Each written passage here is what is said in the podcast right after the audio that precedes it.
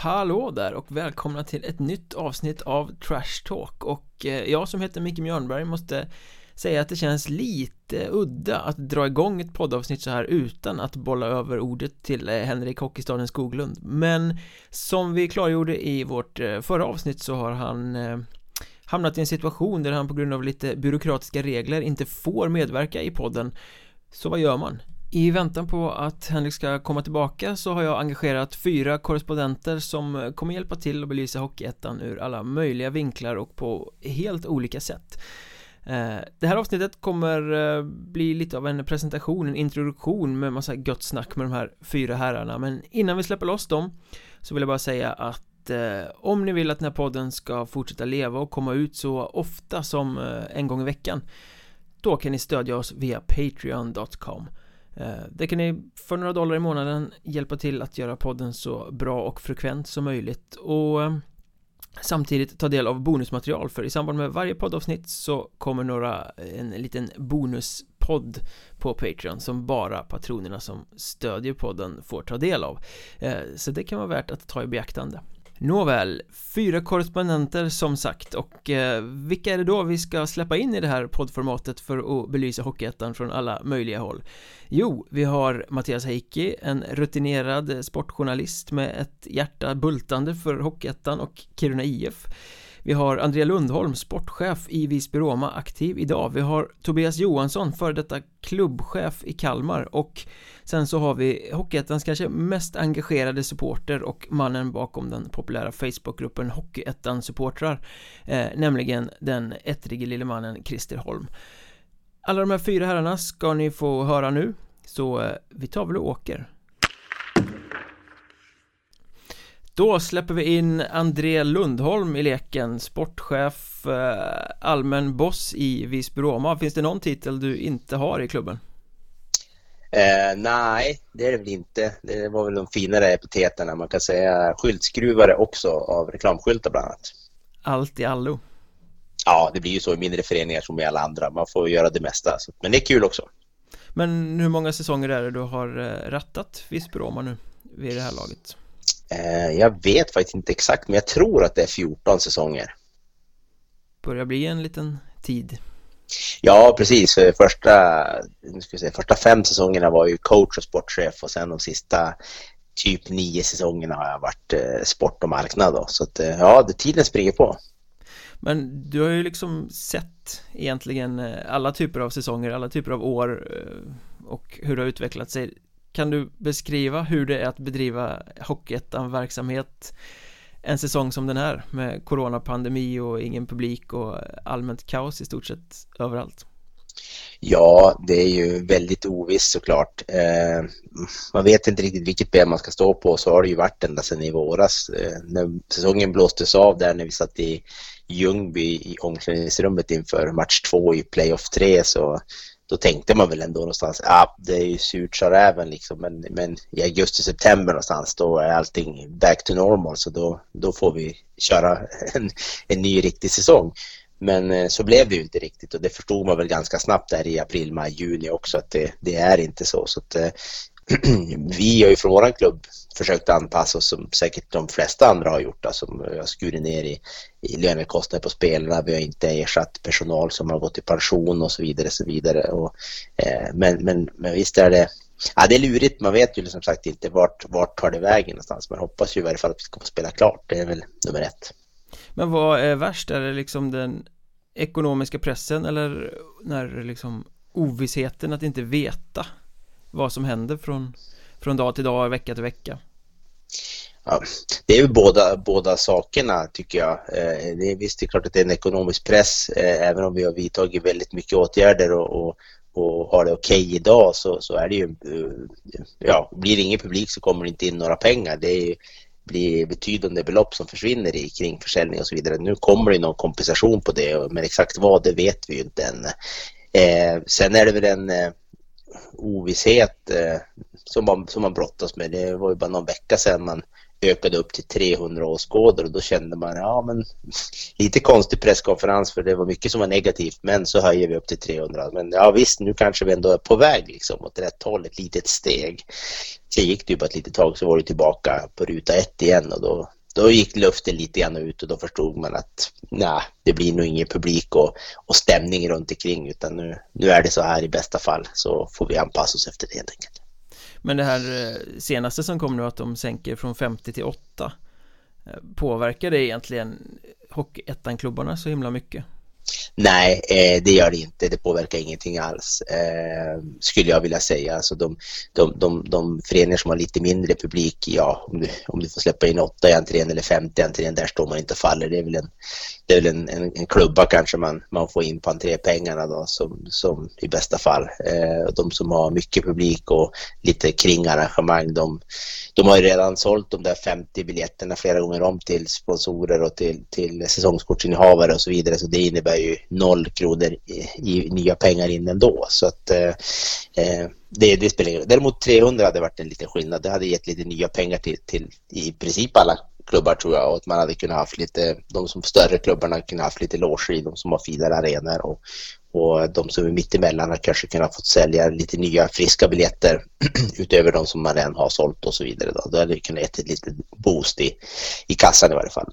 Ja, och tar man in noll då som det blir på åtta för man tar inte in åtta åskådare så är det kanske till och med eh, enklare att genomföra ett sånt arrangemang än ett för 50 Jag gissar att du behöver mindre funktionärer och allting sånt där Ja, absolut, så är det ju. Eh, jag kan ju bara svara för våran förening, men jag tror att det ser ut ganska lika i de andra. Det, jag tror vi har haft eh, någonstans runt 16-18 funktionärer till att släppa in, in 50 personer. Eh, vi har haft några till, för vi har haft våra VIP-hyllor som är säkra in och utgångar och hit och dit och sådär. Men, men det, det krävs otroligt mycket folk för att hantera liksom, flera olika insläpp och så vidare. Så, vidare. så att ur den aspekten så blir det mindre, mindre jobb för klubbarna, men det är ju det är fruktansvärt tråkigt att eh, det är helt folktomt. Men det är en pandemi som pågår och eh, det finns saker som är viktigare än ishockey. Det, det får vi inte glömma bort heller. Man får liksom ta den här säsongen för vad den är och se den som lite, lite en förlorad säsong och göra det man kan för att kunna komma tillbaka när världen väl kan öppna igen på något sätt känns det ju som. Ja, det, det har du helt rätt i. Sen är det ju så här att när man väl är, när man är i säsongen nu, man har gjort förberedelserna, spelarna har tränat hårt sedan i april, början på maj. Eh, klubbarna anstränger sig till sitt yttersta för att vara med och tävla. Det är klart att när man väl är här då så vill man ju tävla så gott man kan utifrån de förutsättningar som finns. Eh, så att, eh, jag känner väl inte att ah, det får bli som det blir utan man vill ändå göra det absolut bästa men, men, men det är klart att det går inte att komma ifrån att det känns lite, lite annorlunda ett sånt här år såklart än vad det gör ett vanligt år. Men märks det någonting på spelet? Om vi, om vi tittar på eh, Hockeyettan Östra då till exempel där, där ni håller till, är det någon skillnad mot en vanlig säsong? Nej, det tycker jag inte. Eh, utan jag har väl haft en, eh, en eh, sagt i flera år att, att östra ettan blir bättre och bättre eh, årligen i princip. Eh, och det tror jag har att göra med ett par olika saker och en av de viktigaste sakerna tror jag det är väl det här med elitlicenserna som förbundet införde. Det har väl gjort att eh, många klubbar runt om i, i landet har fått anpassa ekonomin lite grann och det finns inte riktigt lika mycket pengar i, i klubbar som det har funnits tidigare vilket gör att många spelare i Stockholmsregionen kanske stannar i, jag menar får du 15 000 i månaden i klubb X istället för att stanna i, i, i, i Stockholm där du, där du, då har man kanske valt det alternativet men, men får du 4 eller 5 000 då kanske man hellre bor kvar där, har kvar sin lägenhet, flickvänner finns där, eh, man har jobb och de här bitarna vilket gör att många Stockholmslagen har, har fått bättre och bättre lag eh, genom åren. Det tycker jag också visar sig i, i, i allettan och playoffen sista åren att eh, det är många östra lag som, som är med där och fightas även fast man kanske inte är favoriter eller har de på pappret namnkunnigaste trupperna. Så att, eh, det är väl en liten spaning att jag tycker att åtminstone övre halvan av östra har blivit, blivit lite bättre de sista fyra, fem åren. Ja men fler starka spelare stannar kvar helt enkelt då? Ja, det, det, det, det, skulle jag vilja säga och det ser man väl nu på lag som Vallentuna har ett starkt lag och det finns ju fler lag. Nu har de ju fått vila väldigt mycket tyvärr på grund av pandemin här då. Men, men det finns fler lag som har rätt starka trupper mot för vad det gjorde för något år sedan. Är det några som överraskat mer än några andra tycker du? Eh, ja, jag tycker väl att Enköping har gjort det bra. Nu har de väl två torsk i rad här mot Vallentuna men inte efter en stark vändning i match 1 av Vallentuna tror jag. Men, men de tycker jag har varit stabilare än vad jag trodde. Då. Att de har ett bra lag, det visste jag och att de skulle vara med där uppe också. Men jag tycker de har hängt i väldigt länge och varit väldigt stabila. Eh, sen, eh, ja, Vallentuna hade jag väl räknat med skulle vara där uppe men de ligger ju långt efter i, av de kända orsakerna och sådär. Så att, det är svårt nej. att läsa av tabellen där riktigt. Ja, det är det. det, är det. Men den sätter sig väl här nu om en sju, åtta omgångar och då, då vi börjar närma oss slutspurten och, och de flesta börjar spela ikapp. Jo men eh, annars är det väl liksom de lagen som är i toppen är de som var förväntade att vara i toppen kanske? Eh, ja, det, det, är, väl, eh, är väl så. Eh, sen Strömsbro har ju, eh, vet du, har en ambition att vara med där uppe och som sagt eh, Vallentuna ligger långt efter och har väl också tänkt blanda sig där uppe så det kommer väl att vara en sju, åtta lag som ska vara slåss om de här fem platserna till, till en alletta. Och så har vi ju skrällaget Visby-Roma då som av en excellent podd tippades bomma allettan men som ju faktiskt ligger ovanför strecket nu. Sensation. Ja. Ja, en sensation. Eh, men det är ju elva omgångar kvar så mycket kan hända än. Vi kan ramla ännu. Det finns hopp för det. Men en liten spaning angående ert lag här i, i den östra serien. Ni känns snällare i år än på länge. Ja, det, det gör vi. Eh, det gör vi. Sen är vi ojämnare. Men, men, vi har mycket att jobba på, det är inget snack om den saken. Jag, jag, tror att vi hade för två år sedan hade vi väl 3700 matcher i Visby-Roma-tröjan och kanske en snittålder på runt 24-25 år. Eh, nu i år har vi 700 matcher i Visby-Roma-tröjan och en snittålder på 21,3 eller 4 eller något Jag tror vi har yngst lag i serien. Eh, och det är klart att det syns. Det är många duktiga spelare, det är inget snack om den saken. Men, men det tar ett tag att hitta den här nivån att du vad man ska prestera varje dag och så vidare. Så att, eh, eh vi har lite att jobba på. Det är inget snack om den saken. Sen eh, när det gäller utvisningar och sånt där så eh, ja, jag tycker det är lite tråkigt. Jag tänkte på det här om dagen. Jag, jag tror inte att jag har sett en skärmytsling i, i våra matcher under de här tio omgångarna som har pågått. Det, det är inget gruff framför målen. Det är ingen eh, det är inget, inget trash talk ute på isen. Det finns, det finns ingenting. Eh, och jag, jag, tycker det är eh, riktigt tråkigt att se. Det handlar mest om att åka så fort som möjligt och hålla de klubborna på isen. Och, eh, ja, jag vet inte får väl Joel Hansson efter mig, men jag, jag, tycker det är, jag, tycker det är, jag tycker det är tråkigt. Jag tycker det måste finnas lite hetta, lite passion och jag tycker domarna har varit bra. Det är inte det jag säger, utan jag tycker att eh, hockeyn börjar vara lite för mycket full fart och håll dig på din kant eh, och nästan all kamp är borta. Så får ja, vi väl se om... Känslorna har dränerats. Ja, det är totalt. Eh, du ser ju mycket hockey. Jag vet inte om du har någon annan. Jag har inte sett så mycket i de andra serierna, men det är väl inte så mycket facewash framför målet och, och, lite, ja. Men det kanske inte ska vara, det kanske är jag som är old school, jag vet inte men... Ja, eh, men det, så har det ju varit i flera år att utvecklingen i, men det har väl med besluten som har tagits längre upp i hierarkin också, att man vill gå mot en renare hockey, man ska ta bort allt spelförstörande, man ska ha spelare som är tekniska och kör fort Men det har ju mm. också vattnat ur underhållningsvärdet Och det märker man ju när man pratar med både tränare och sportchefer som har varit med i, i gamet ett tag sådär att De förespråkar ju spelarna som, det som kan visa känslor såklart men de här som kan Inte bara åka fort och skjuta hårt och, och dribbla utan som också kan tempoväxla åt andra hållet Sänka farten mm.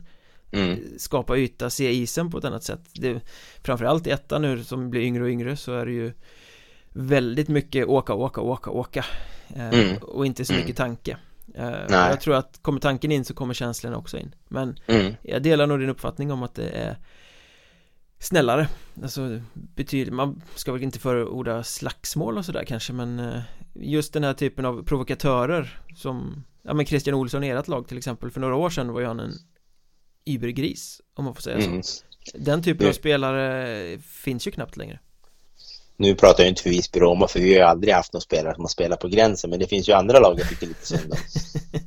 Såklart. Nej, men det, det är tråkigt. Det är ju precis som du säger, det underhållningsvärdet, det, det går inte att komma ifrån. Och så sitter vi och funderar, men varför vill folk gå på playoffet då och, och i, i allettorna? Varför, varför stiger intresset så? Ja, det är klart det är bättre lag som spelar mot varandra, men då börjar det också hända lite grejer. Eh, I varje fall tidigare år.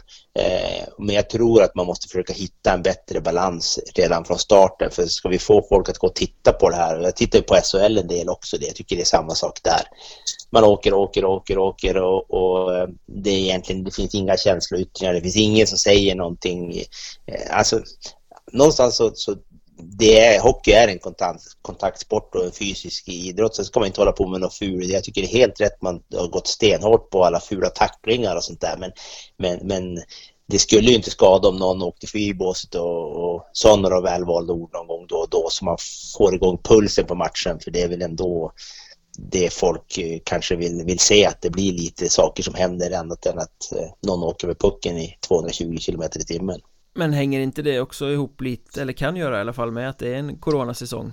Eh, jag tänker att man håller avstånd att, ja, jo precis, ja. Coronautvisningar, det var en klassiker ja. Men, men just det här att när du har tusen pers på läktaren som det är i många hallar När det drar ihop sig och, och de är totalt sjövilda och skriker på allt. Det, det skapar ju någon form av adrenalin hos spelare också vilket gör att det kanske eldar på den här typen. Det kanske är svårare att gå igång och börja facewasha någon När det sitter två funktionärer på läktaren Ja, jo men det är klart, det, det har du såklart en poäng i, det, det, det atmosfären och stämningen runt omkring. Men sen tror jag också att det är säkert en, en av orsakerna. Sen så, det är klart att det är direktiv och du vill inte sitta utvisad och du vill inte ha en tränare som, som skäller på dig för att du har tagit en onödig utvisning och då blir det ju också att man håller igen med, med sådana saker.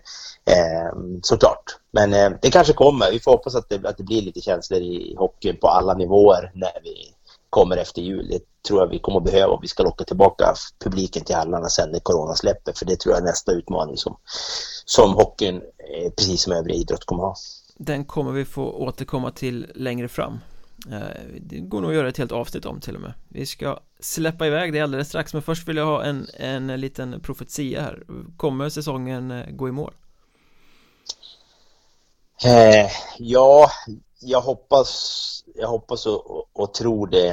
Eh, sen tycker jag personligen att man, man kanske ska fundera på kan man korta det på något sätt för att verkligen säkerställa att man kan gå i mål med säsongen och alla hinner spela klart alla matcher. Om man säger alla hinner spela klart för att eh, mardrömsscenariot vore ju att eh, det blir jättemånga uppskjutna matcher efter jul och inte man kan spela klart säsongen på ett sportsligt rättvist sätt. Det, det hade varit jättetråkigt men eh, ja, jag, jag, jag hoppas och tror det. Sen eh, får väl andra avgöra på vilket sätt det ska ske.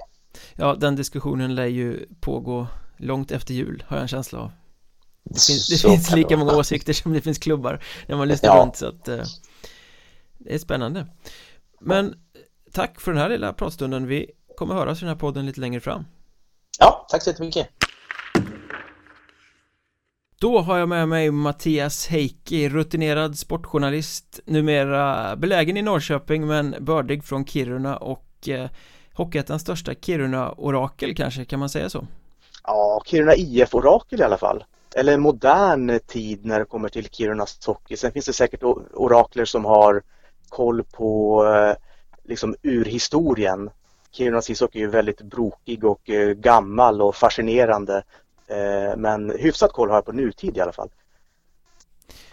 Men du har i alla fall jobbat som sportjournalist i, eh, sen Luther var ung i stort sett en, en väldig massa år och eh, idag så skriver du eh, nyhetsartiklar, matchrapporter, allt möjligt åt Kiruna IFs hemsida. Eller hur? Ja, det stämmer. Varför den här stora fascinationen för, för klubben? Alltså jag, för det första så handlar det ju om, om, om rötter och uppväxt. Jag är uppvuxen i Kiruna, det är visserligen 20 år sedan jag flyttade därifrån men, men eh, man blir ju ingenting annat än Kiruna-grabb. Jag skulle aldrig säga att jag är en Norrköpingskille fast man har bott här så pass länge och älskar Norrköping, det är inte det. Men, men eh, jag är en, en Kiruna-kille helt enkelt. Och eh, jag blev hockeybiten i Kiruna när då Kiruna IF eller Team Kiruna hette det då, var eh, stora och jättespännande att följa. Och eh, då blev man Kiruna IF-supporter helt enkelt. Eh, så det är väl den korta, det korta svaret. Ja, och det långa kan vi kanske spela in en, en eh, fem avsnitt lång podd om Absolut Det brukar vara så när, när eh, hockeyintresse föds och hjärtan börjar banka Exakt Som man säger Men idag så har ju klubben med din hjälp då egentligen kanske den bästa bevakningen i hela Hockeyettan Oj! Du gör ju journalistik på riktigt Fast på en laghemsida hur, hur tät kontakt kan du ha med, med klubben när du sitter där du sitter nere i, i Norrköping? Det funkar bra. Eh, det funkar jättebra. Eh, matcherna sänds på, på webben då som jag är otroligt tacksam för. Eh, så det, det, känns inte som att klubben är så himla långt bort. Men det, bli, det blir ju det blir svårt att göra tv-intervjuer för att lägga ut på hemsidan. Det kan jag ju såklart inte göra. Men, men text och, och så har jag duktiga fotografer på plats som hjälper mig med bilder. Så då funkar det ju faktiskt i stort sett lika bra som att vara där. Men hur, hur är din, eh, din syn på ettan så här långt? Jag vet du har ju även innan tiden med Kiruna IF följde du ju Hockeyettan bland annat när Vita Hästen var nere och, och körde då bedrev du en eh, populär blogg som heter Heikis Hockey på Norrköpings Tidningar till exempel eh, Har du alltid följt ettan så intensivt liksom, ända sedan den tiden? Eh, ja, eh, det kan man väl säga. Alltså, eh, mitt hockeyintresse föddes ju i Hockeyettan, dåvarande division 1, när, när Team Kiruna var så, så himla bra. Eh, som då var en sammanslagning mellan IFK eh, Kiruna och Kiruna AIF. Ehm, så Hockeyettan har ju varit eh, mitt största liksom, intresse hockeymässigt i Sverige kan man ju säga. Eh, och sen var det ju jätteroliga år med NT då när Vita Hästen liksom kämpade år efter år efter år för att ta sig igenom det där nålsögat upp till Hockeyallsvenskan. Så det var ju kul att vara med på, på den tiden också. Det var ju liksom nästan en grej att de skulle misslyckas varje vår. ja, precis. De vann allt och sen, nej, gick inte i år heller. Nej, så kom det där playoffet mot Karlskrona och så, så sket det sig. Det var hemska tider för hästens supporter jag led verkligen med dem även om jag själv inte hade några personliga sympatier för Vita Hästen så. Men, men eh, jag hade all sympati för hästen-fans, verkligen. Ja, det var faktiskt, eh, om man får tillåtas vara lite nostalgisk så var ju det väldigt speciella tider för det var liksom som en bitterhet som låg kvar i stan ganska länge efter den där Karlskrona förlusten de var liksom så upphåsade mot varandra som så stora rivaler den säsongen och så båda skulle upp och så sket det sig i playoff 3 och sen man kunde liksom inte släppa det. Jag kommer ihåg den här tesen folk tyckte att det var orättvist att de två bästa lagen fick mötas i playoffspelet och mm. allt vad det var. Ja, det jag minns var att det var väl bäst av tre matcher eh, små marginaler verkligen där med ishockey med höga insatser där matcherna verkligen spelar roll så som det ska vara enligt mig Eh, och jag tror att hästen vann skotten med så 34-17 eller någonting men de fick inte in pucken och förlorade med 2-1 och liknande. Jag kan ha fel på siffrorna. Men, jag tror du har helt rätt faktiskt. Ja, och eh, sånt sätter ju spår när man känner att vi skulle ju ha vunnit. Tänk om den bara hade studsat si och så. Eh, så och, och sen då hade de ju liksom krossat allt motstånd som jag fattade innan, innan det i grundserien. Det var ju hur bra som helst. Eh, Förlorade väl två matcher och öste in mål och det var liksom Det var som upplagt för ett avancemang. Ja, precis.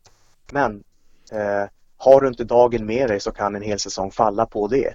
Och det är det någonstans som är idrottens eh, kärna för mig. Att eh, Ja, så är det. Och det men är, är himla helvete. som mång... Ja, men, men är det inte det som många tar som en nackdel? Där, bäst av tre det kan vi inte ha för det blir orättvist, tänk om man har en dålig dag.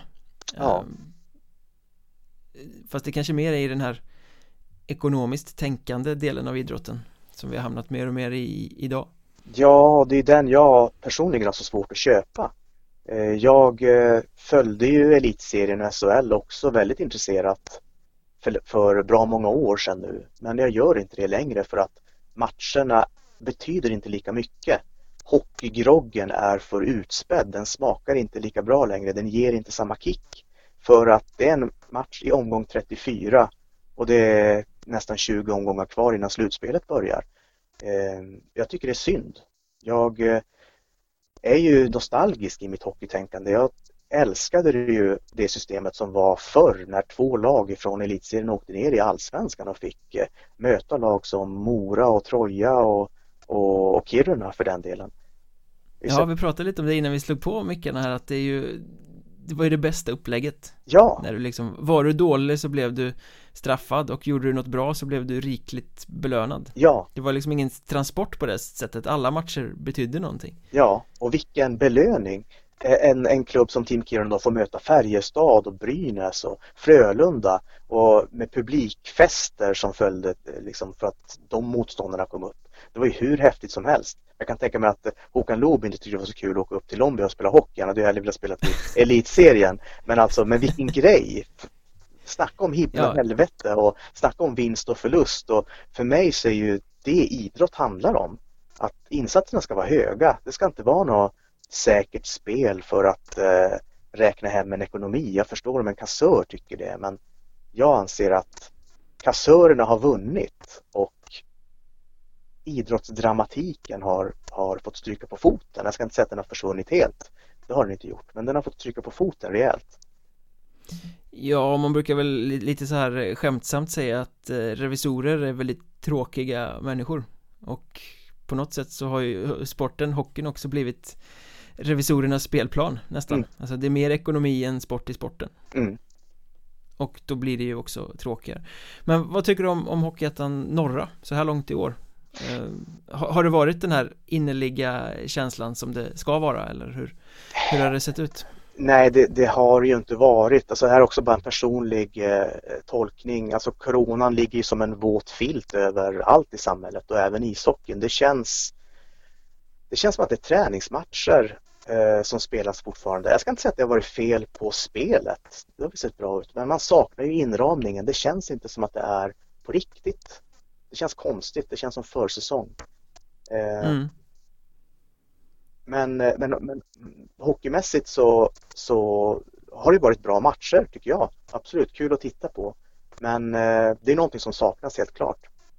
Är den här pulsen som som brukar infinna sig? mm. när det är match och jag tror inte att det beror bara på att det inte sitter publik på läktarna det är klart att det gör ju sitt till när det står några rabiata fans och skriker på alla domslut och, och det ger adrenalin till spelarna och allt sånt här men också den här vetskapen om att det kan vara slut imorgon mm. det är inte säkert att den här säsongen går i mål och hur kul är det att gå i mål och gå upp till allsvenskan utan att några fans är där det finns så många andra om och hur och varför och, och frågor som gör att det känns som att till och med spelarna har svårt att ta säsongen på, på riktigt stort allvar. Ja, jag håller med dig. Det är en sån enorm osäkerhet i allting. Man väntar ju bara på ett besked som ska komma att nu drar vi ner rullgardinen för den här säsongen. Eh, det går liksom inte att koppla bort den känslan men jag hoppas att eh, det beskedet inte kommer. Jag hoppas att vi kan ta oss igenom det här. Eh, det gör jag personligen. Ja, någonstans så konstig hockey är ändå bättre än ingen hockey alls på något sätt. Ja, precis och men idrotten är en del av vardagen och livet och det är bra om så mycket som möjligt kan vara så normalt som möjligt. Mm. Men vad tror du då, kommer det, kommer det gå i mål?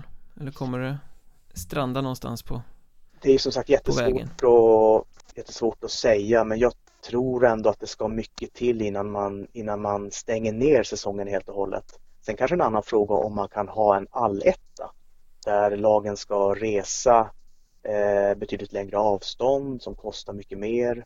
Eh, det är väl kanske en annan fråga då. Sen vet jag inte om man kan göra om spelsystemet mitt under en säsong.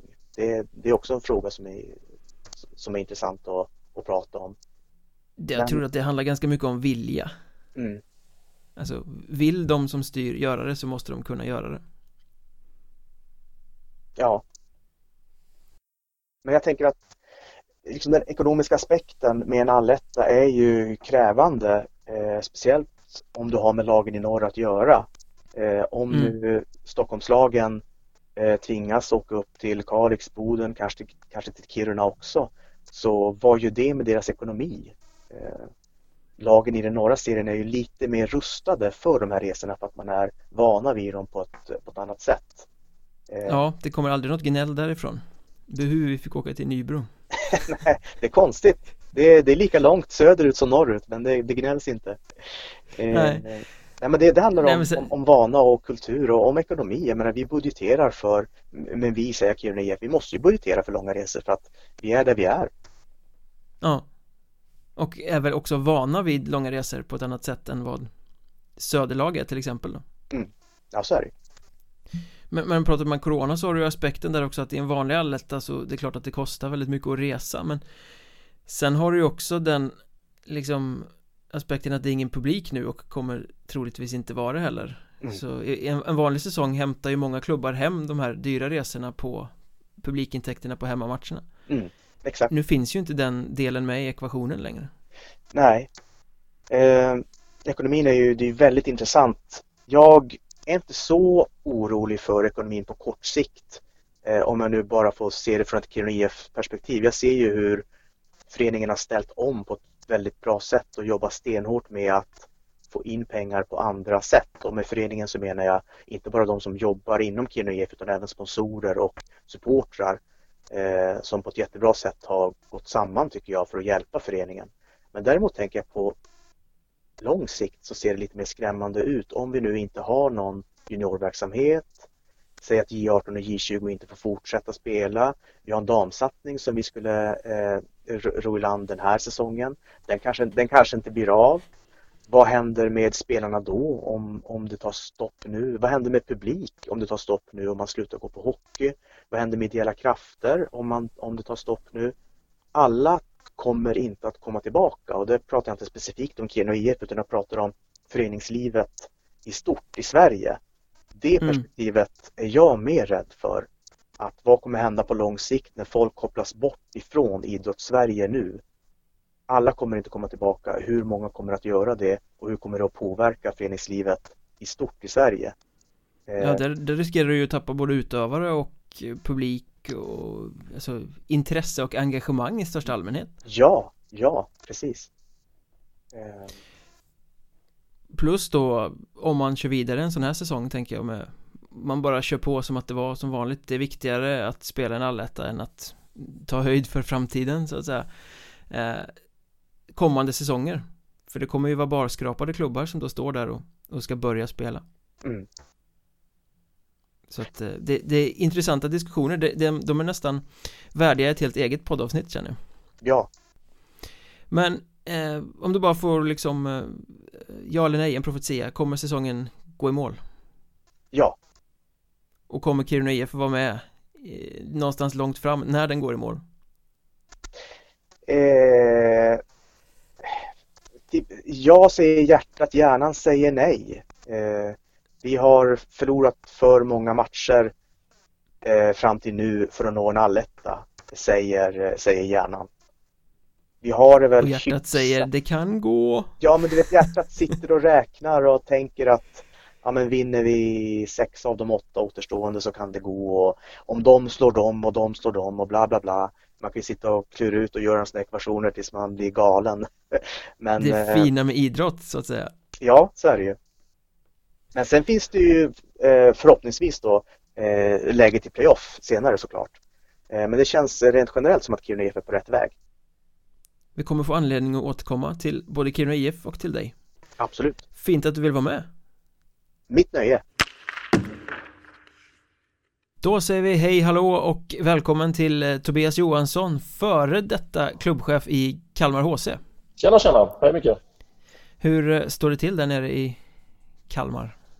Eh, ja, hur står det till? Alltså det, det är ju tuffa och speciella tider men eh, jag mår bra. Eh, folk i min omgivning som jag vet om mår bra. Det är väl det man får utgå ifrån i dagsläget. Eh, men eh, det är klart att det är speciella och tuffa tider.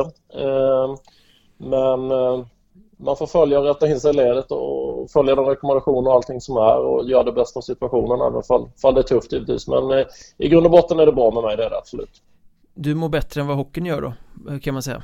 Om man vill ja. lite, lite putslustig. Så jag, jag, tänkte, jag tänkte ställa den frågan från början bara så här, du, ur ett perspektiv som före detta klubbledare i Hockeyettan eh, Som klubbchef i Kalmar då, hur, hur skönt är det att inte sitta på den positionen en säsong som den här? Uh, nej men det kan man väl säga är skönt för det, det är nog rejäla utmaningar på, på alla håll och kanter. Uh, Mycket att förhålla sig till och, och mycket att ta hänsyn till och sådär. Så att det är klart att Ur det perspektivet är det väl rätt skönt. Så jag kan tänka mig att alla klubbledare och styrelser och så vidare i, i ja, i all idrott egentligen kan man väl säga, men, men kanske inte minst Hockeyettan sitter med rätt uh, tuffa huvudbry liksom. Hur man ska hantera det och hur man, hur man ska liksom jobba, vilket, vad man har att utgå ifrån och sådär. Så att nej, det är väl klart att ur det perspektivet är det väl eh, rätt skönt att just nu inte sitta i det. Att alla var ganska naiva från början har ju varit ganska uppenbart sådär, men nu har du någon känsla för hur mycket klubbarna faktiskt på riktigt har börjat inse allvaret i situationen och hur, hur långt fram de ligger för att kunna hantera det på ett vettigt sätt? Nej men alltså jag hade väl en åsikt från början också att jag, jag, jag tror liksom att jag vet inte när hockeyklubbarna, om vi nu utgår från Hockeyettan då, började bygga sina lag, jag ska inte säga alla men många i alla fall och kanske främst här nere i söder där jag befinner mig så, så tror jag man var lite naiv och utgick från att nej, men det kommer lösa sig och det kommer vara publik när vi drar igång serien och blir det inte publik så kommer det inte ens bli någon säsong. Det har nog varit min liksom känsla utifrån så när man följer lite grann. Eh, för det känns ju ändå som att merparten av klubbarna har öst på ganska bra man säger värvningsmässigt och man får inte känslan av att, att klubbarna har hållit igen nämnvärt. Ehm, eh, och jag tror att verkligheten har kommit ikapp och kommer ikapp allt eftersom och, och och eh, det har ju gått från liksom ingen publik till lite publik till förhoppning mer publik men istället så blev det ett ännu större bakslag nu i dagarna. Så att jag tror nog man har insett allvaret och, och eh, uh, jobbat ut efter det. Men det kan nog i vissa fall också kanske vara lite för sent. För jag tycker ju som sagt inte att man har, har hållit igen längs vägen utan man har jätteinsikt. Så, men det går ju att läsa på pappret och konstatera att trupperna kanske inte är våldsamt mycket billigare på många håll. Liksom. Nej, du vet i, i det stora hela vad spelarna kostar. Ja, men så är det ju. Man har en hyfsad insikt efter de åren och, och eh, om inte spelarna har blivit extremt givmilda över, över en sommar så, så, eh, så har man ju lite tum i alla fall. Men sen är det, förhoppningen är väl att klubbarna tar sitt ansvar, men det är väl egentligen bara lyssna att inte helt sällan som, som klubbchefer eller styrelseordförande litar går ut nu att vi överlever inte si och så länge om det här ska fortsätta och sådär. Jag tycker väl kanske inte att man har fullt tagit hänsyn. Sen fattar jag att man ändå kör på givetvis. För man ska hänger kvar i scen eller man har en ambition uppåt eller vad det kan tänkas vara. Men, men eh, totalt sett så har det nog funnits från början i alla fall en viss naivitet i att man ska få ha publik och att allt ska vara som vanligt framåt, framåt höstkanten, det tror jag ju. Men säsongen rullar ju och, och spelet är i full gång och sådär. När du följer det från sidan, känns det som att det är en coronasäsong eller känns det som vanligt? Oj, det där är en svår fråga. Eh, rent sportsligt så känns det ju som en vanlig säsong. Eh, mm. Förutom att det dyker upp att det ställs in lite matcher till höger och vänster. Eh, men det har ju liksom också på något sätt blivit lite löjligt. Men det har ju blivit lite vardagsmat det också. Att man, jaha nu var den matchen inställd, nu får vi vänta in den här i spelschemat. Eh, men annars så, så rullar det väl på liksom. Genom matcherna spelas ju och säsongen rullar ju. Och tittar man Hockeyettan Södra så släpar det inte jättemycket i antal spelade matcher. Det är egentligen kanske bara två lag som inte har spelat lika mycket matcher som övriga. Ehm, så att eh, det känns som en normal säsong. Men sen klart, tittar man i ett större perspektiv så är det absolut inte en normal säsong. Alltså, publikmässigt, man känner väl inte riktigt det eh, engagemanget runt om på samma sätt som innan. Eh, så att det är klart att det finns ju både en fram och baksida på det, det tycker jag. Ja, kan man, eller kan du personligen gå igång lika mycket på, på årets säsong som en vanlig säsong? I och med att det är som det är? Nej, det skulle jag inte säga. Jag tycker det blir lite, och det tycker jag inte bara gäller Hockeyettan utan jag tycker sport överlag sådär när man följer det så blir det mer avslaget än det var tidigare. Eh, tittar man matcher på TV så är det inte direkt någon inramning. Man kan inte gå på idrott på samma sätt och få den där pulsen själv. Eh, så det är klart att det inte alls är, eh, är samma, samma engagemang och driv som en, en normal säsong. Det tycker jag nog inte. Inte från ett publikperspektiv, absolut inte. Märks det av på spelet? Eh, I vissa fall tror jag faktiskt det gör det. Eh, det är klart, man vet ju själv när man stått på isen eller man står på sidan att man vet ju liksom vad publiken eller klack eller liksom hetsen mellan två liksom publikhåll gör för, för spelarna och sådär. Det blir nog inte riktigt samma puls och det, det upplever jag nog. Jag ska inte säga att det alltid är så men generellt sett så är det nog inte riktigt samma, samma puls i matcherna på isen som man, som man är van vid. Sen om det är en inbildning för att man inte har publikperspektivet eller inte, det kan man också liksom se, se på något håll. Men min känsla är nog att det är eh, generellt sett lite mer avslaget än en, en vanlig säsong, även om matcherna spelas givetvis. Tror du att det är något lag som vinner eller förlorar mer än, än andra på att det är så? Från början hade jag ju en tes av att de här lagen som är klassiska publiklag som har ett bra stöd på hemmaplan och sådär eh, och kanske lite bortafölje eh, kommer bli lidande. Eh, och då och pratar de... vi typ Nybro och Troja och lite den typen? Ja, men Nybro, Troja, Karlskrona. Uh. Vimmerby kanske, eh, Tranås. Eh, och att de här klubbarna som är ett, lite fult sagt inte van har någon nämnvärd publik på sina matcher spelar det kanske ingen större roll. Eh, och det där kan nog egentligen kanske bara klubbarna själva svara på men men eh, jag tror definitivt att, att, att det påverkar eh, sina framförallt hemmamatcherna. Och att är man van att spela inför 15-1600 som i, uppe i Nybro exempelvis och plötsligt sitter det ingen där. Det, det, det, är klart, det måste ju kännas någonstans. Eh, Medan de här lagen som är vana att ha par 300 på matcherna, det, det kanske gör varken från eller till i slutändan för dem. Liksom. Så att, eh, det, det tror jag nog att det gör, absolut. Och plötsligt satt Kalmar där med en arena som faktiskt passade årets säsong Med tanke på att de spelade i B-hallen eller vad det är Ja, den är coronaanpassad ur ett publikperspektiv är den det. Eh, ja, men det, det, har nog inte varit jättekul för lagen. Eh, nu har inte Kalmar plockat sådär nämnvärt mycket poäng ändå tyvärr, men eh, det är nog inte jättekul att komma och spela i en, i en träningshall på det sättet. Det kan jag inte tänka mig som bortalag. Inga faciliteter att tala om överhuvudtaget. Och det är ju verkligen en en träningsrink egentligen bara ju med, med ett skal runt. Ehm, så att, men det har ju inte, jag trodde faktiskt det skulle gynna dem mer att de skulle plocka fler poäng i, ehm, på hemmaplan utifrån det perspektivet men det har de inte gjort. Nej, med ehm. tanke på truppen så är väl Kalmar lite av ett misslyckande så här långt den här säsongen? Ja, det tycker jag ju. Det tycker jag ju. Tyvärr måste jag ju säga det. Jag hade nog väntat mig att man skulle vara med Alltså, jag tänkte lite på det så innan. Jag, jag trodde nog man skulle ha svårt att nå allettan men jag tror ändå att man skulle vara med och hugga där runt sjätte, sjunde plats. Eh, och vara med och störa mer än man har gjort. Sen har man ju varit med i väldigt mycket matcher. Eh, det är undanmålsförluster till höger och vänster och man tappar matcher och sådär och det kuggar väl inte riktigt i och framförallt så, så är det väl defensiven som sviker. Men man gör ändå acceptabelt med mål framåt men man släpper in för mycket mål tyvärr. Eh, och det är klart, vad är det, 11 poäng på, på 12 matcher och en trepoängare är ju med den truppen och eh, tycker jag inte är acceptabelt. Det måste man väl ändå säga. Men är inte det ofta ett svaghetstecken att man förlorar matcher fast man är med och att man tappar och inte kan hålla ledningar och, och sådana där saker? Det, det brukar ju vara liksom, Ja men så är det ju. Alltså, effekter av ett lag så. som inte funkar. Absolut. Och det, det är väl en eh, säkert en kombination av att det är någonting som inte riktigt stämmer eller att, att det är någonting som saknas tillsammans med kanske ett stukat självförtroende. Det är klart, har man åkt på lite sådana där allt eftersom oavsett vilket lag det gäller så sätter sig nog lite i huvudet att leder man inför tredje med ett uddamål och man är van att tappa matcherna i tredje så blir det nog en, en osäkerhet automatiskt. Och för Kalmars del tror jag man, man skulle behöva vinna ett par, tre liksom trepoängar på rad för att känna att man har det i sig någonstans. Eh, för truppmässigt så framförallt offensivt får man ju lov att säga så, så har man ju ett bra lag. Eh, sen har det varit lite skadeskavanker men det är ju ingen ursäkt för det är lika för alla lag. Men framförallt är det ju defensiven som har svikit. Det är, det är mycket enkla misstag, tappade. Målvaktsspelet har väl inte riktigt varit hundra heller.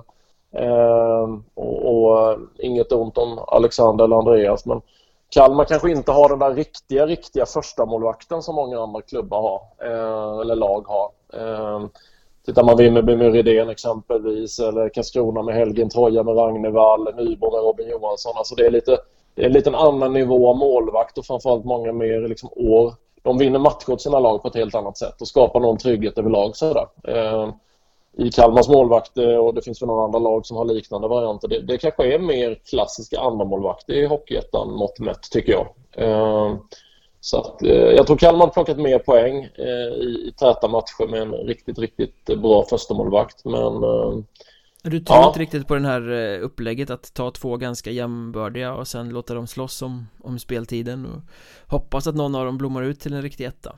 Nej, inte på hockeyettanivå tror jag inte på det. Eh, det. det. gör jag faktiskt inte utan jag tror att det är nästan, alltså, det är nästan bevisat. Alltså, det, är ingen, det är generellt sett hockeyn så är ju målvakten otroligt viktig men det är ju egentligen bara att titta Tittar man tillbaka historiskt sett eller det räcker att kolla förra året eller vad det nu må vara. Man ser ju hur otroligt viktig liksom en riktigt bra målvakt är. Eh, jag hävdar ju fortfarande, man tar man som Nybro som ett exempel. Det var ju många matcher förra året där de absolut inte var det spelförande laget, där de hade det riktigt, riktigt tufft. Förlorade skotten ofta stort, men man vann ändå med uddamålet. För att man hade Robin Johansson som släppte kanske ett, max två mål. Liksom, han gav laget chans att vinna varje kväll. Ja. Eh, och, och tittar man de andra målvakterna som jag nämnde, om man tittar söderettan främst, så, så är det ju samma sak där. De ger ju sitt lag chansen att vinna varje kväll. Sen är det inte bara målvakten, för det är ju en kollektiv defensiv det handlar om givetvis. Men, men det är klart, har man en en målvakt av större klass som kan vinna lite lätta poäng. Det skapar en trygghet hela vägen tror jag. Eh, mm. Men är det inte, och, samma sak i Nybro i år också då? Alltså, offensiven är ju inte skrämmande. Nej, Defensiven är, är ju ramstark och Robin ja. Johansson är ju ettans bästa målvakt men, men, offensivt så är ju Nybro riktigt svaga. Um, defensiven, insläppta är ju fantastiskt bra men de gör ju inte så mycket mål. Um, och det är klart att, jag vet inte riktigt vad det beror på men, men man tappade ju sin, eh, det vill jag inte riktigt kuggat i på samma sätt. Men de hade Alex Ek och eh, Ilestedt från start förra året som, som, som eh, hade en kedja där som, som gjorde mycket poäng och sådär. De som har kommit in har väl inte och sen eh, Riker Lear försvann längs vägen som skulle vara den här som gör mycket poäng. Eh, sen är det väl som så, det ska man vara ärlig, Tisell är väl inte den offensivaste coachen heller kanske. Eh, Nej, det kanske är svårt att komma som offensiv spetsvärvning och prestera från dag ett i ett spelsystem som har byxorna och hängslen och tänker säkerhet först. Ja, det tror jag ju. Jag tror ju som exempelvis Riker Lee passade inte in i Nybro utifrån Tisells sätt att spela hockey. Han behöver nog mer än, än, än, än friare. Sen ska man ju vara medveten om, jag tycker fortfarande det, att det, det är ju rätt stor skillnad på östra ettan och, och södra ettan. Eh, så det är klart. Men, men det, det, det handlar nog mycket om vad man hamnar i för miljö. För att, där ser man också viktigt är det här med att hitta rätt karaktär, rätt spelare för spelsystemet som den tränaren förespråkar. Mm. Uh, och uh, uppenbarligen utan att ha detaljer på, på, på Riker i det här fallet så, så stämde det inte upp i Nybro för Sen kanske det är underliggande orsaker, vad vet jag. Men, men, men det är klart att det sprudlar inte offensiv i Nybro. Sen har de ju en fantastisk defensiv, det kan man inte säga annat liksom. Vilken skulle du säga är den största överraskningen i Söderserien så här långt? Uh, ja du. Um, nej men jag är nog ändå, jag är nog ändå förvånad att Halmstad ligger där de ligger. Mm -hmm. uh, jag trodde nog ändå du, liksom Du fortsatte att... den här underskattningen som alla hade av Halmstad förra året. Äh, snart kommer stoppet, snart kommer stoppet. Ja, nej men det bygger nog kanske mer på hur hård konkurrensen är. Jag hade nog förväntat mig att, att eh, Tranås skulle vara högre upp. Jag hade förväntat mig att Nybro skulle ha fler poäng. Eh, Kallinge brukar gå starkare. Eh, nu har ju Mörrum gått jäkligt bra på slutet men jag tycker Mörrum har ett intressantare lag i år, större bredd och trodde nog, nu har de börjat klättra lite men jag trodde nog inte Halmstad skulle liksom Framförallt inte sen efter plumpen där i början mot Kalmar heller med 10. Jag tänkte nej men nu, nu, nu, liksom inte samma stabilitet och man tappade Malmbo i målet till, till Visby och sådär. Så att, men, men Halmstad får man nog ändå säga att, att Troja, Karlskrona och Vimmerby ligger där uppe eh, är ju inte jätteoväntat liksom. Eh, och sen är det ju inget annat lag i botten som överraskar heller. Det är inte så här att oj vad oväntat det är att Borås ligger där de ligger eller vad sådär. Så, så, så ska man titta tabellen så, så är ju nog Halmstad i min värld den eh, Även om det kanske inte är oväntat om du förstår vad jag menar så är det ja. lite oväntat utifrån den tuffa konkurrensen i, i serien så att säga. Fast då handlar det ju kanske mer om då ur din synvinkel att det är andra lag som har presterat sämre än att Halmstad har överpresterat. Ja, det skulle jag nog vilja säga. Det skulle jag nog vilja säga. Hur är klassen då? Är, är den, många säger ju att Söderserien är bättre än på många år Det tycker jag folk säger varje år Men du som ja, ser den, den nära den är stående eh, Ja men när Karlskrona åkte ner så, så tycker jag nog det faktiskt eh, det, det, får man nog ändå lov att säga eh, Det är många lag som men jag tittar man egentligen uttalade utan att liksom sådär men jag kan tänka mig att både Troja, Karlskrona och Nybro vill ju upp så det är mm. tre lag direkt som, som liksom siktar mot att kliva upp i Hockeyallsvenskan. Eh, eh, Tranås vill säkert också vara med om man tittar liksom på hur, hur, de har byggt sitt lag och hur de resonerar, kan jag tänka mig i alla fall. Eh, så det är många lag och sen då tillsammans med, med Kallinge förväntar man sig alltid ska vara där uppe på något sätt. Eh, så att det är klart att jag, jag tror ju Söderettan är bättre än vad de var förra året i alla fall. Mm. Eh, sen bättre än någonsin är ju alltid svårt att säga om. Den var väl jäkligt bra när Tingsryd härjade runt och Kristianstad var riktigt bra och sådär. Eh, men det är klart att jämför man förra året så skulle man vilja hävda att serien är bättre och jämnare än vad den eh, var förra året, det tycker jag. Och för att knyta ihop det här lite då Får man en liten profetia eller en åsikt kring Vassa Söderserien, kommer säsongen gå i mål? Kommer det Kommer vi få några lag som går upp och spelar kvar i slutändan eller Tror du att Corona kommer sätta krokben för det här? Nej, jag tror man kommer spela klart det. Eh, jag tror att Corona hade satt krokben tidigare i så fall. Jag tror inte man hade låtit det rulla på så pass länge som det har gjort. Eh, utan jag tror nog man kommer dra det i, i hamn. Eh, sen hur upplägget i slutändan kommer se ut, det är kanske mer än eh, om man väljer att banta på något sätt, spela enkel serie eller vad det kan tänkas vara i slutändan. För att liksom, men, men det får nog framtiden utvisa lite grann. Men att man ror det i hamn, det är jag tämligen övertygad om. Eh, jag tror inte man liksom spelar 15-16 eh, omgångar eller ytterligare lite matcher och sen konstaterar att nu struntar vi i det. Det tror jag faktiskt inte. Eh, Sen vet man ju inte med den här coronan för, för att man tycker ju ena sekunden så går det åt rätt håll och sen i nästa sekund går det absolut inte åt ja, rätt det, håll. Och, det är upp och nervända eh, världen. Eh, ja, men väldigt så. Och ena veckan så är det 300 i publik och nästa vecka är det 8 i publik. Så att, eller ingen publik alls rättare sagt. Så att, det är ju fortfarande lite, lite för mycket att sia i. Men jag tror nog man spelar, spelar klart det på ett eller annat säet. Eh, det tror jag ju. Vad är din egna syn där? Vad tror du? Får man komma spela klart ur ditt perspektiv? Jag tror att det ska väldigt, väldigt, väldigt mycket till för att de överhuvudtaget ska dra i någon handbroms mm. Eh, det är för mycket avtal och för mycket prestige och, och för mycket nederlag att avbryta Sen hoppas jag ju personligen att de tar sitt sunda förnuft till fånga och ritar om säsongen Struntar i att spela allettor och hittar någon annan form för att Det finns liksom ingen anledning en säsong som den här att skicka ut klubbar på kostsamma resor i en serie där det förmodligen kommer komma coronaavbrott och tömma kassorna. För jag vet inte, ja. det kommer inte finnas några sunda klubbar till nästa säsong då. Nej, precis. Framförallt inte om man tittar på Allettan Norra till exempel. Hur Hur ska den kunna genomföras? Det är bara stora utgifter. Mm, När det inte är mm. någon publik på läktarna. Så att jag tror att man måste rita om det. Sen hur man ska göra det, det kan man ju diskutera men Spela klart men, men spela kanske lite mer regionalt då Ja, just det. Ja, det är väl ingen dum tanke. Det, någon variant blir det säkert. Men, men eh, som du säger, spela, spela det i, i mål gör man nog på ett eller annat sätt. Det tror jag ju. Vi lär få anledning att återkomma till det. Det känns så va? Ja, det lär vi få göra. Definitivt. Det blir spännande att följa. Uh, absolut. Vi hörs framöver. Det gör vi mycket. Sköt om dig. Då säger vi hej och välkommen till Christer Holm, mannen bakom den berömda Facebookgruppen Hockeyettans supportrar och förmodligen Hockeyettans mest engagerade supporter. Eh, ja. Håller du med om den beskrivningen? Ja, tack för den beskrivningen. Jag är engagerad i alla fall. Sen så kan ju inte jag tala för alla Hockeyettans supportrar och engagerade de är men men eh, jag lägger nog eh, väldigt mycket tid i alla fall på det och, och, brinner för det väldigt mycket, det gör jag också. Sen som sagt var så har jag inte koll på alla supportrar så det är lite svårt att avgöra men, men engagerad är absolut, det är jag.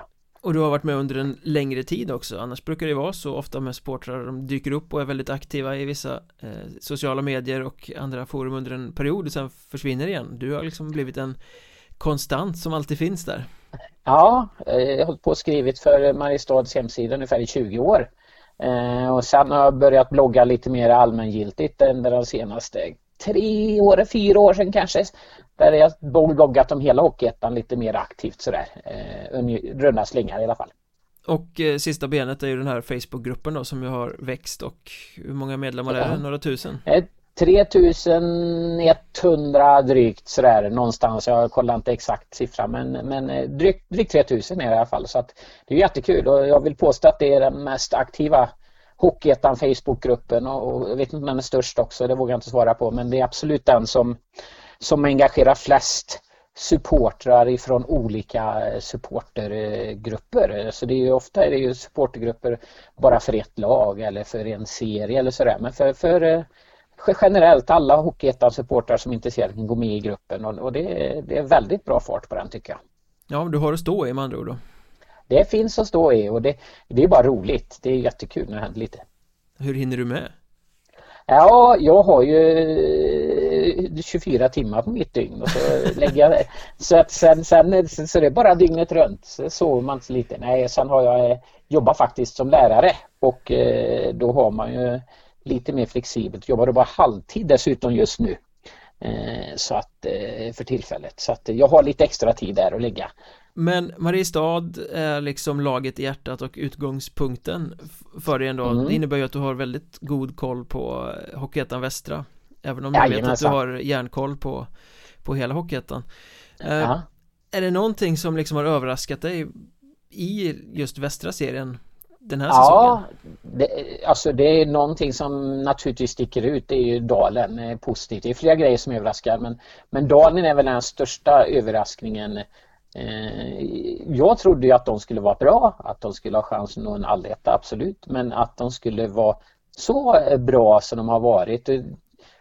det överraskar mig faktiskt. Jag tror, jag har hört med sådana som har sett Dalen både eh, Eh, förra säsong, eller tidigare säsonger och i år och säger att det är ett helt annat lag i år. Det är mycket vassare, det är mycket mer eh, samspel, de har ett bättre spel med, med vassare spets i år jämfört med förra året. Så att det, det är ett klart bättre lag. Och det överraskar mig att, att de här spetsarna har fått in att de tillfört så mycket så att de har lyft sig så väldigt mycket som de har gjort.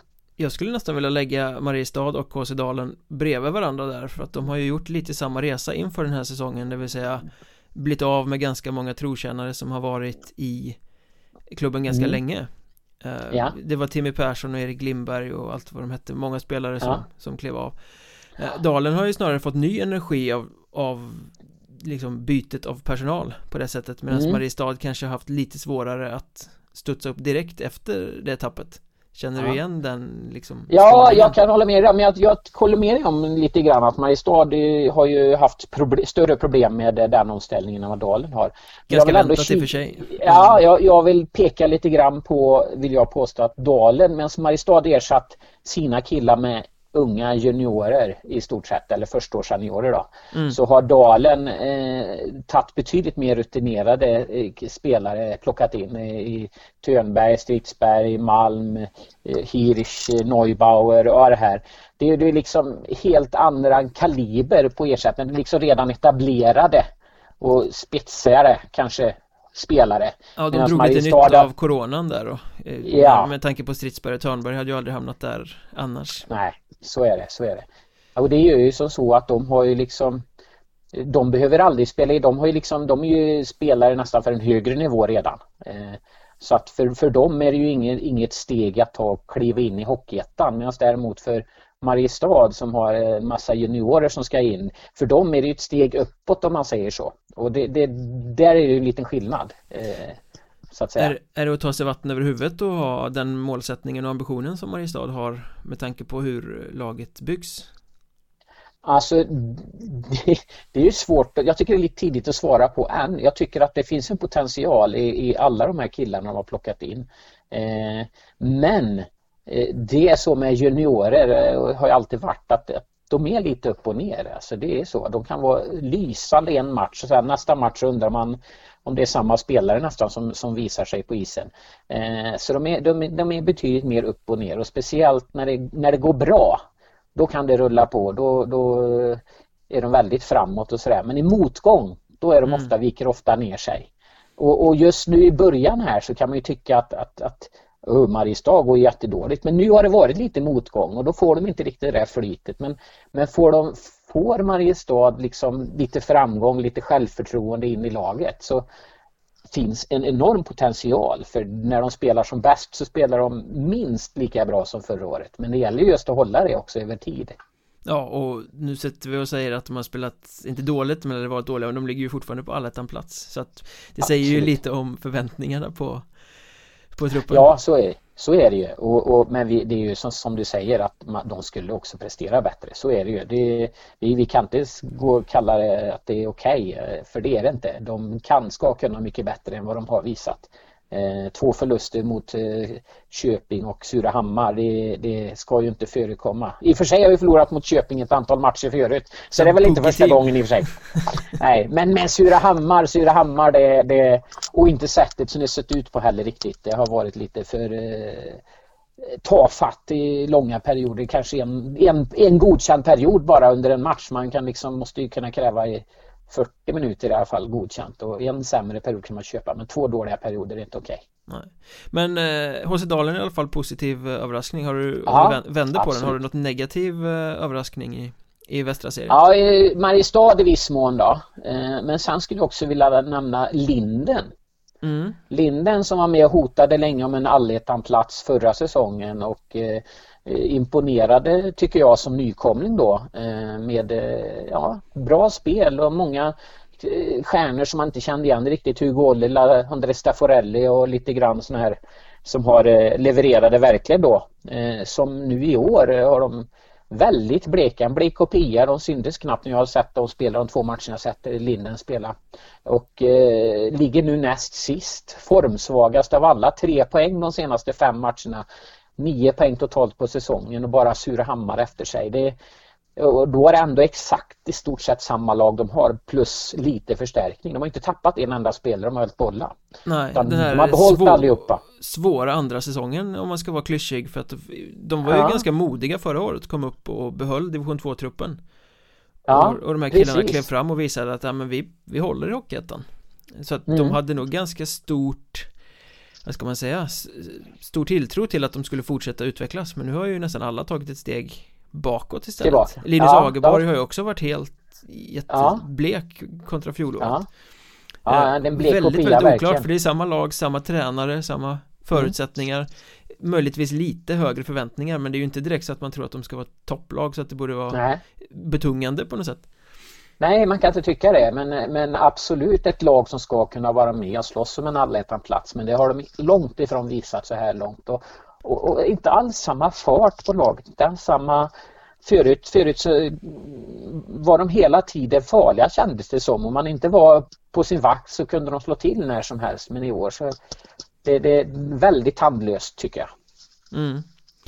Hur är serien i övrigt tycker du klassmässigt? Bättre, Jag sämre? tycker, att, jag tycker, tycker att, att en jämnare serie i år, betydligt jämnare serie i år och då innefattar det kanske lite grann att, att topplagen i form av Mariestad och Borlänge kanske möjligtvis är lite blekare Mm. eh, medan däremot eh, bottenlagen som jag tänker Surahammar, även om de har förlorat så är de, de är inte klappkass längre om vi tar det. det det är Malung vi, som man trodde inför säsongen skulle vara ett, ett strykgäng är faktiskt inte så himla pjåkiga. Eh, Köping, Kumla, eh, Kumla som jag varnar för, lyfter ett varningens finger för här. Jättespännande eh, utveckling på det laget med, med några nya lån in och lite sådär som Ja, gör de har ju verkligen hittat en leading line också får man ju säga i Ja. Wenghult och Östergren och Lindberg heter de va? ja, Precis, de är ju Lindberg, ja. dominanta när de vill och är på det humöret Ja,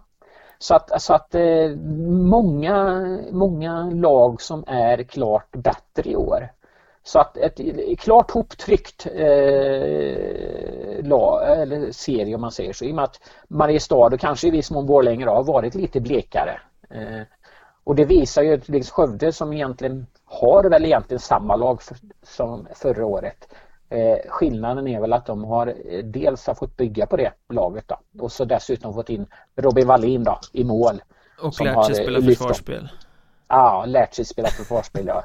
Med Werner i, i spetsen och hjälpt till där. Det gör mycket, gör mycket att kunna. Så att, så att eh, ja, de har kunnat, de har kunnat glänsa i, i, i och med att Borlänge och Mariestad kanske då har varit lite blickare. mm.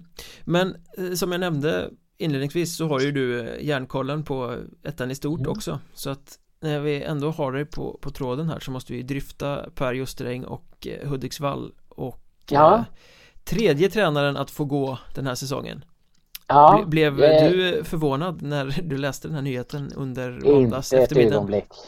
inte, ett ögon, inte ett ögonblick. Nej, det har ryktats länge. I Römans i Hockeyettan-kretsar tror jag ingen har undgått eh, snacket. Utan att eh, just Ring har varit ifrågasatt i, i eh, Hudiksvall ett bra tag här. Redan förra säsongen egentligen så var det prat om att, att han inte hade tränarnas eller omgivning, eller spelarnas, förlåt, tränarnas förtroende, vad är det för sagt? Spelarnas förtroende riktigt. Eh, och att eh, han fick eh, träda tillbaka, tona ner, sig, tona ner sig lite grann. Och eh, i år så eh, har det varit ännu mer kollisionskurs. Eh, det har varit spelare som har gått till sportchefen och bett om att Justeräng ska få kliva åt sidan. Och sportchefen har ju sagt att Langer då, har ju sagt att ja, vi har resultaten än så länge så att vi håller, han, får vara kvar. Men eh, två, två stycken dåliga insatser i rad mot eh, Huddinge och eh, Haninge Hanviken. här så Mm. Hanviken, förlåt, Hanviken. Så eh, då räckte det. Det var liksom det som gjorde att bilan föll till slut. Ja, det är väl den här klassiska eh, kollisionen mellan lite mer ålderdomligt ledarskap och eh, en ny generation som kommer upp och ska curlas Ja, eh, Känns som att det. har inte funkat alls i Hudiksvall, det där nej, det, då, då ska man ändå veta, han ändå, förra säsongen gick det ganska bra ändå tycker jag. Att det, jag menar, han gick ju till, kval, eller till playoff 3 eh, med eh, bra hugg för att kunna gå längre. Eh, men, men ändå, det ska ha skavt liksom lite grann hela tiden. Och nu när det blev en ny, nya spelare in och sådär som inte ännu mindre köpte hans ledarskap så då, då, då funkar det liksom inte längre. Sen hade de ju garderat sig med inhouse lösningen Lars Lillis Lövblom som sportchef så att Jaha. det var ju bara att det, lyfta ner. Det, det, det är ju en tanke, det, det är ju ett sammanträffande som ser ut som en tanke kan man väl säga. Ja, så får man göra sin egen matte sen. Ja, precis, precis. Tror du någon annan hänger löst? Eh, I ettan överhuvudtaget? Jajamän. Eh, jag vet inte, vi var inne på om vi ska prata Linden här. Eh, så eh, Jocke Lundholm han har gjort det bra och skaffat sig ett stort förtroende här men, men hur länge hur länge har de tålamod att eh, behålla en tränare som laget inte presterar under? Nej, de kommer väl förr eller senare till den klassiska brytpunkten måste göra någonting. Det är inte ditt fel, ja. men Precis, det är min tanke också. Och det lär väl inte hända nu under eh, hösten naturligtvis för här, då avgörs ju ingenting. Men, men, eh, men eh, får de ingen, inget lyft i spelet så, så måste de som sagt var göra någonting till slut. Ja men det är ju precis som Borås i Söderserien där att siktet mm. var allettan men nu får vi ställa om det lite. Och fram till jul mm. bara se till att hitta någon form av flyt och sen så får man Får man ta det på nytt Vilket jag, efter jul. vilket jag tycker i och för sig är ett, ett, ett, ett eh, väl optimistiskt eh, en väl optimistisk målsättning men det kanske är ett snack för en annan poddare. Borås till eh, allettan? Ja, ja, det kändes det, inte realistiskt det, Nej, i den mina var ögon. inte riktigt, inte med tanke på motståndet i den serien så var inte det nej. Eh, så förankrat. Men nej. det kommer vi få utrymme att prata om framöver. Det kommer ju dyka ja. upp igen. Jajamensan. Jag får för tillfället tacka för den här pratstunden. Tack, tack, tack. Det var det, då har vi sagt hej till fyra olika korrespondenter som på ett eller annat sätt kommer dyka upp i den här podden framöver eh, i väntan på att Henrik ska bli klar med sitt klammeri med det svenska bidragssystemet. Vi hoppas att här Hockeystaden ska vara tillbaka så snart som möjligt och att det ska bli spännande att lyssna på mig och de här fyra korrespondenterna framöver. Vill ni stötta podden så kan ni för några dollar i månaden via Patreon.com sök efter Mjörnbergs Trash Talk där. Eh, Donera några dollar i månaden så hjälper ni den här podden att bli bättre, större, komma oftare och ni som väljer supersupporternivån där också får eh, bonusmaterial i samband med varje poddavsnitt Den här gången så pratar vi lite om juniorer och den här strömmen av lån som öser in i Hockeyettan nu när J20 Nationell har satts på paus Är det bra? Är det dåligt? Hur kommer det påverka? Det är bonusmaterial som ni som stöder oss via Patreon får Tills dess, vi hörs snart igen